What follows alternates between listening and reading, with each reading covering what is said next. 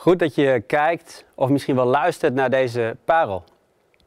We zijn aangekomen in de 40 dagen tijd waarin we toeleven naar Pasen. En in de parels willen we kijken naar sporen van Jezus in het Oude Testament. En in deze parel mag ik met jullie kijken specifiek naar Jezus in de Torah. Dat zijn de eerste vijf boeken van de Bijbel.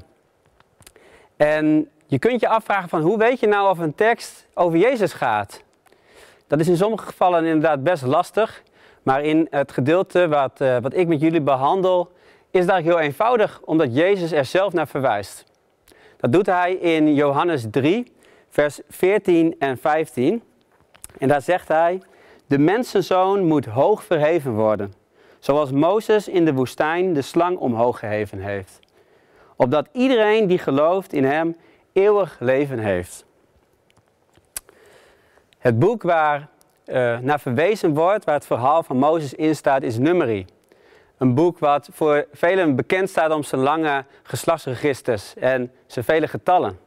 Maar voor de Joden staat dit boek anders bekend. Zij noemen het Bemidbar, wat in het Hebreeuws in de woestijn heet.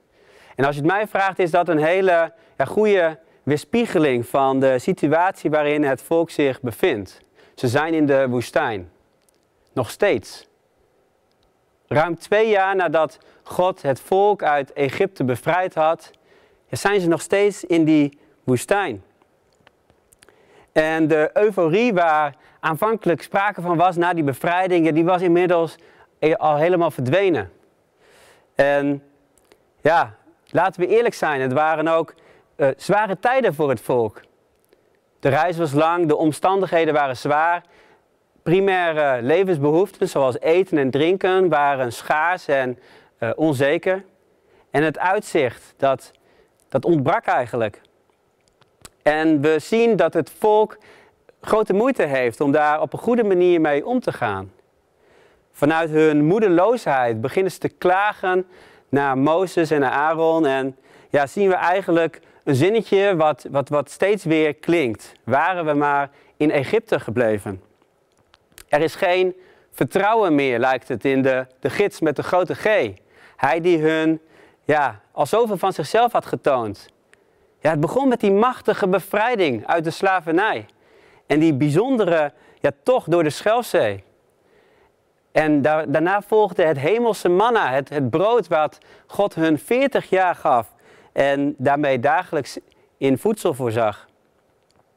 Maar denk ook aan de meerdere keren waarin God op hele bijzondere manieren water gaf. Soms door, door een, een, een rots waarop Mozes moest slaan. Maar ook de kwartels, de vogels die een maand lang uit de hemel neervielen en, en als een soort pak sneeuw de, de, de aarde ja, bedekten. En dat alles terwijl ja, het volk het niet aan God vroeg om hulp. Nee, ze waren eigenlijk vooral aan het klagen. En in nummer 21 dan lijkt de maat vol voor God. Naar de zoveelste waren we maar in Egypte gebleven. En God die stuurt giftige slangen naar het volk toe. En een deel van het volk wordt gebeten en sterft ter plekke. Een ander deel die, die toont berouw, vraagt om vergeving. En ja, dan gebeurt het dat Mozes van God de opdracht krijgt om een, een koperen slang te maken, om die ja, op, een, op een stok, op een staf te, te plaatsen en, en hoog te verheffen, zodat iedereen het kon zien. En allen die, die keken naar die slang, die werden gered en die bleven in leven. Wat een ja, ontzettend, bizar verhaal, vind je ook niet? Ik moet heel eerlijk zeggen dat ik ja, er wel even een beetje mee geworsteld heb. Het riep bij mij de nodige vragen op. Waarom geeft God zo'n zo'n vreselijke straf aan het volk? En hoe kan ik dit nou rijmen met mijn beeld van een, van een goede, liefdevolle God? Ik heb echt gebeden van God, hoe, hoe kan ik dit zien? En, en hoe, ja, hoe kunnen we hierin iets van u zien? En ik moest daarbij denken aan de heiligheid van God. God die zo graag te midden van zijn volk wil wonen, maar ja, ook constateert dat dat niet zomaar kan. En daarom zien we in de voorgaande uh, boeken, eigenlijk in Leviticus, maar ook in Numeri, uh, allerlei uh, regels en richtlijnen die God opstelt om het mogelijk te kunnen maken ja, om met zijn volk samen te leven. God ziet een volk voor zich dat ja, wat, dat ook echt heilig leeft, dat ja, toegewijd is aan Hem. En dat het dat, dat ontdekt het onderscheid tussen wat, wat goed is en, en kwaad is. Tussen wat rein is en wat niet rein is. Maar dat klagen van het volk, dat heeft daar eigenlijk heel weinig mee te maken. Het is een afwijzing richting God. Richting hun gids die hun al vanuit Egypte in de vorm van een wolk en in de vorm van een vuur voor is gegaan. Ze lijken er niet meer oog voor te hebben en zien meer hun eigen schaarste. En dat heeft consequenties. In deze geschiedenis van het volk en God zien we aan de ene kant de vele afwijzingen van het volk richting God. Toch geloof ik en zie ik het grotere verhaal dat, dat God zijn volk niet opgeeft. Terwijl hij er eigenlijk alle reden voor zou hebben. Nee, hij toont zijn geduld en geeft steeds weer en steeds weer nieuwe kansen. Ook ja, de bemiddeling van Mozes en het herinneren van Mozes aan Gods beloftes, ja, draagt daarin bij. God toont hier al zijn genade, de onverdiende gunst aan het volk. Nou, ik heb me afgevraagd, wat kunnen we nou leren van dit verhaal? Nou, ik denk in de eerste plaats dat het gewoon goed is om te erkennen dat er schaarste is. Bemitbaar. Weet je nog? In de woestijn. Dat, dat was de omstandigheid, die was gewoon reëel. En de lange reis, het tekort aan eten en drinken en het gebrek aan perspectief. Ja, dat was er. Helaas hield het het volk zo in de greep dat ze niet meer konden zien wie er voor hun uitging. Met als gevolg dat ze verbitterd, ongeduldig en ondankbaar waren geworden. Maar laten we eerlijk zeggen, eh, laten we eerlijk eerlijk zijn, dit kan ons ook gebeuren in de crisis van het leven. In de huidige crisis waarin we zitten, die ook zo, zo lang duurt, zo uh, uitzichtloos kan lijken. Waarin ook schaarste is. En misschien niet de schaarste van eten of drinken, maar wel God, de schaarste van het elkaar kunnen ontmoeten. De, de knuffels die je ja, misschien zo mist. Uh, het samenkomen hier in de kerk. En nou, ik kan zoveel dingen opnoemen. Misschien het naar school gaan of misschien wel letterlijk je baan die je bent verloren.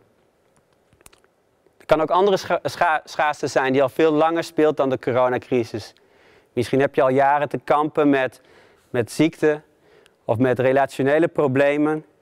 Misschien heb je wel enorm ja, een, een verlangen naar een partner en ja, is dat echt een, een gebed wat maar uitblijft. Uh, er is schaarste en ik denk dat het heel goed is om dat gewoon te erkennen. Maar het gevaar, en dat zien we ook in dit verhaal, is dat, ja, dat we er ons te veel op gaan focussen. Dat we er bitter of ondankbaar door worden. En de les die we mogen leren, geloof ik, is dat het beter is om ons te focussen op degene die voor ons uitgaat. Kijken naar Jezus, dat is ja, de tweede les die ik eruit haal. En in nummer 21 was er de redding ja, voor degene die opkeken naar de opgeheven slang. Maar het is een verwijzing naar Jezus, dat zegt hij zelf in Johannes 3.